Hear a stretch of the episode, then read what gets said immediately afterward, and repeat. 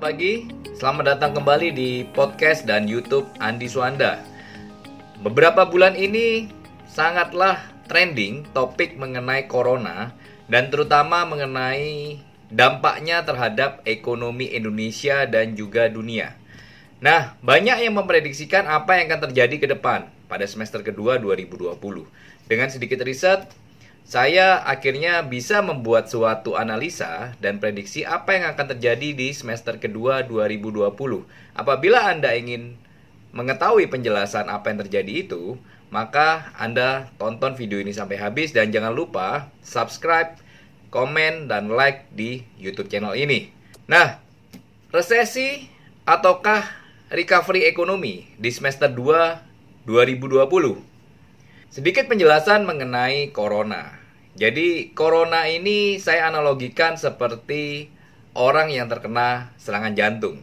Orang yang terkena serangan jantung dengan secara tiba-tiba dia akan tergeletak, kadang bisa sampai tak sadarkan diri. Nah, begitu juga dengan efek dari corona ini terhadap ekonomi dunia dan juga Indonesia itu seperti serangan jantung. Jadi tiba-tiba semuanya berhenti secara mendadak. Saya ingat pada waktu bulan Maret pertama kali Jokowi mengumumkan bahwa ada dua orang di Indonesia yang terkena uh, COVID ini dan dengan waktu yang sangat cepat dalam waktu dua bulan di Indonesia sudah mencapai ribuan orang yang terkena dampak corona ini dan akhirnya membuat banyak bisnis yang akhirnya terpaksa harus tutup dan zero income yang bisa mereka dapatkan. Seperti apa? Airlines.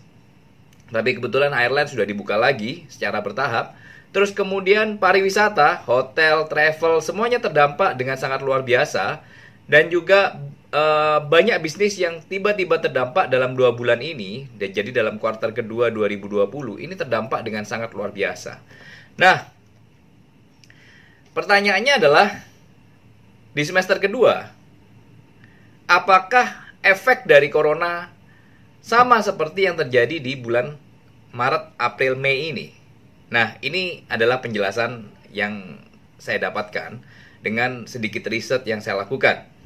Nah, jadi pertanyaannya adalah apakah terjadi resesi ataukah recovery ekonomi di semester 2 2020? Kita bahas satu persatu. Dari yang pertama adalah masalah kesehatan. Jadi WHO e, mengeluarkan sebuah statement bahwa sebelum ada obat atau vaksin virus corona, maka virus ini akan berada di tengah kita dalam waktu yang cukup lama. Jadi ini adalah sebuah uh, kebiasaan baru yang harus kita terima bahwa virus ini akan berada di tengah-tengah kita dalam waktu yang sangat lama. Nah, jadi yang bisa kita lakukan adalah beradaptasi dengan virus corona ini. Jadi yang kita sebut dengan new normal. Jadi biasanya kita keluar tanpa menggunakan masker, sekarang harus menggunakan masker. Terus kemudian ke mana-mana sedikit-sedikit kita harus cuci tangan, ya kan? terus uh, jaga jarak dengan uh, banyak orang. Nah, itu adalah new normal yang kita lakukan saat-saat sekarang ini. Nah, di tengah juga berita-berita yang negatif, tetapi ada good news juga. Nah, contohnya ada di Surabaya, sudah terbangun laboratorium pengetesan virus corona yang sangat canggih, sangat kelas dunia yang sudah dibangun. Nah, jadi ini akan membuat tes massal itu dapat dilakukan dengan cepat dan luar biasa sekali. Sehingga ini akan memutus rantai virus corona itu.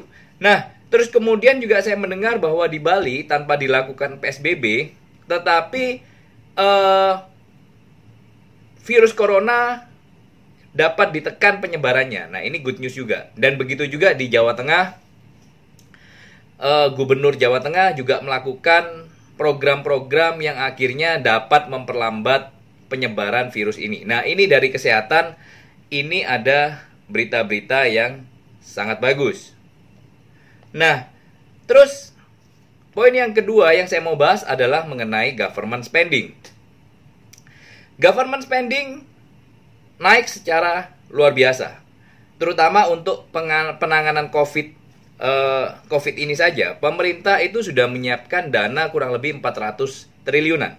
Nah, untuk apa saja? Untuk bansos, terus juga untuk kesehatan dan penanganan masalah COVID ini. Jadi dana yang cukup besar yang government uh, gelontorkan ke ekonomi. Nah, terus juga baru-baru ini government juga mengeluarkan sebuah program namanya program pemulihan ekonomi nasional. Program ini dengan total paket 318 triliun. Nah, jadi untuk sekedar Anda tahu, program eh, ekonomi nasional dengan paket itu meliputi apa saja. Nah, yang pertama adalah subsidi bunga untuk UMKM. Terus kemudian yang kedua, insentif pajak, baik itu PPH perorangan ataupun PPH e, perusahaan. Terus kemudian ada subsidi BBN, Terus kemudian yang keempat adalah stimulus untuk sektor pariwisata yang digelontorkan dalam uh, diskon ya berupa diskon tiket ataupun hotel dan insentif yang lainnya untuk sektor pariwisata ini. Nah, terus yang kelima adalah penanaman modal nasional melalui uh, perusahaan-perusahaan BUMN seperti PLN dan lain sebagainya. Nah, terus yang keenam ini adalah penempatan dana pemerintah di perbankan dalam rangka restrukturisasi kredit. Jadi government e, memberikan senilai uang yang cukup besar ditanamkan di bank untuk penambahan likuidasi perbankan-perbankan nasional kita supaya likuiditasnya tidak kering. Nah, itu mengenai government spending yang terjadi. Terus juga kita bahas lagi yang uh, yang ketiga adalah mengenai ekspor impor. Nah, ekspor impor ini memang terhadap ekonomi ini efeknya di Indonesia ini tidak begitu besar tetapi cukup signifikan. Nah, ekspor turun. Ya karena semuanya menjadi karena roda ekonomi Indonesia dan juga dunia mengalami perlambatan dan akhirnya juga mengefek kepada ekspor dan impor. Impor juga turun. Nah, jadi semester kedua ekspor impor menurut uh, data itu akan mulai menggeliat lagi. Oke. Nah, terus hal yang keempat adalah investasi. Nah, memang investasi dari sektor swasta itu banyak yang mengalami penurunan. Jadi banyak perusahaan yang mau ekspansi mulai uh, ditunda ataupun dikurangi.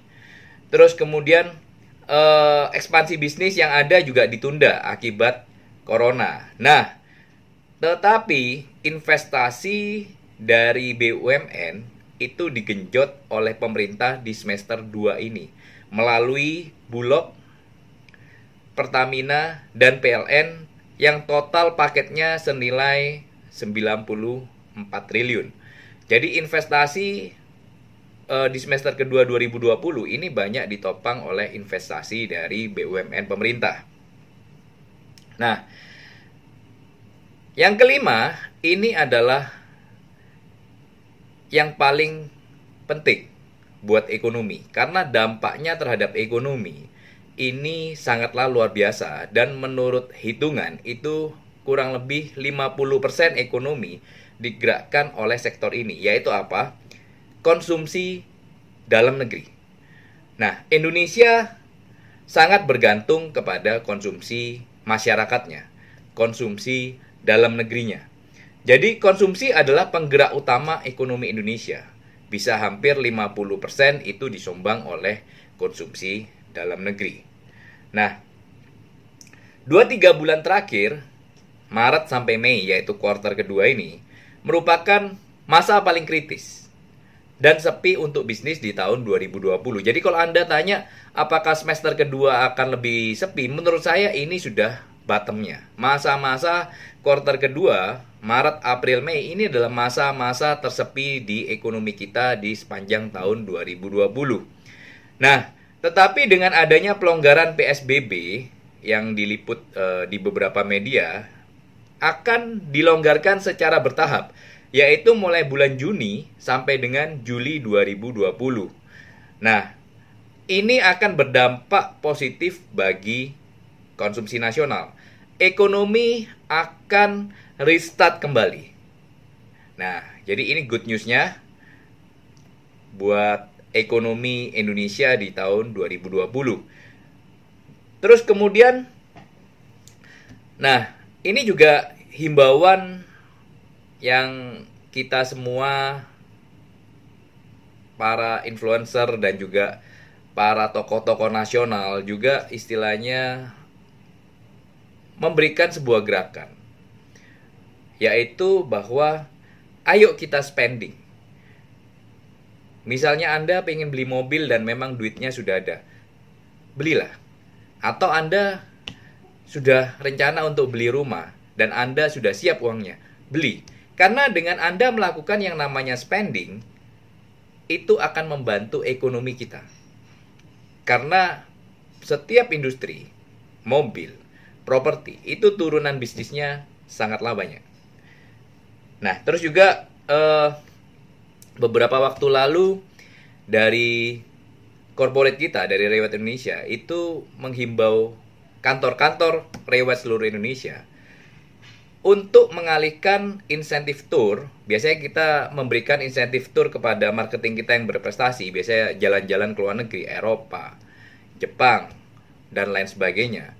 Nah, diarahkan untuk tahun ini dan tahun depan itu pemberian insentifnya ke local destination saja, Bali, Lombok dan lain sebagainya. Nah, ini uh, make sense juga supaya ekonomi kita bisa berjalan dengan normal secara cepat. Nah, jadi sampai kepada kesimpulan, apakah semester kedua ini resesi ekonomi atau recovery ekonomi? Nah, saya akan bilang bahwa semester kedua akan terjadi restart ekonomi atau recovery ekonomi tetapi dengan catatan. Catatannya apa saja? Yang pertama, perkembangan virus corona tidak mengalami lonjakan yang sangat tajam.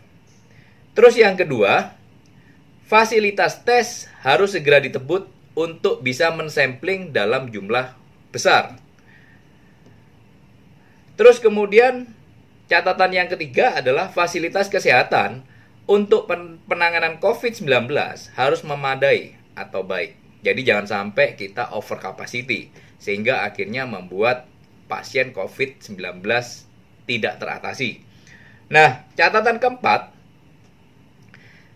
ini dengan catatan bahwa PSBB tidak lagi diperpanjang setelah Lebaran. Jadi sesuai dengan uh, perencanaan yaitu Juni Juli sudah mengalami yang namanya kelonggaran PSBB. Nah, terus catatan yang kelima adalah di setiap daerah bisa berbeda dalam waktu pemulihan ekonominya, tergantung dari seberapa besar efek corona di daerah tersebut. Jadi daerah yang lonjakan coronanya atau COVID-19 tiba-tiba meningkat tajam, itu mungkin restart ekonominya atau recovery ekonominya akan menjadi terhambat. Tetapi daerah-daerah yang bisa menekan angka penyebaran COVID-nya akan restart atau recovery ekonominya dengan lebih cepat. Nah, itu pembahasan saya mengenai uh, topik kali ini. Semoga bermanfaat bagi Anda di dalam menentukan arah bisnis Anda atau pekerjaan Anda di semester kedua 2020. Sekali lagi, terima kasih.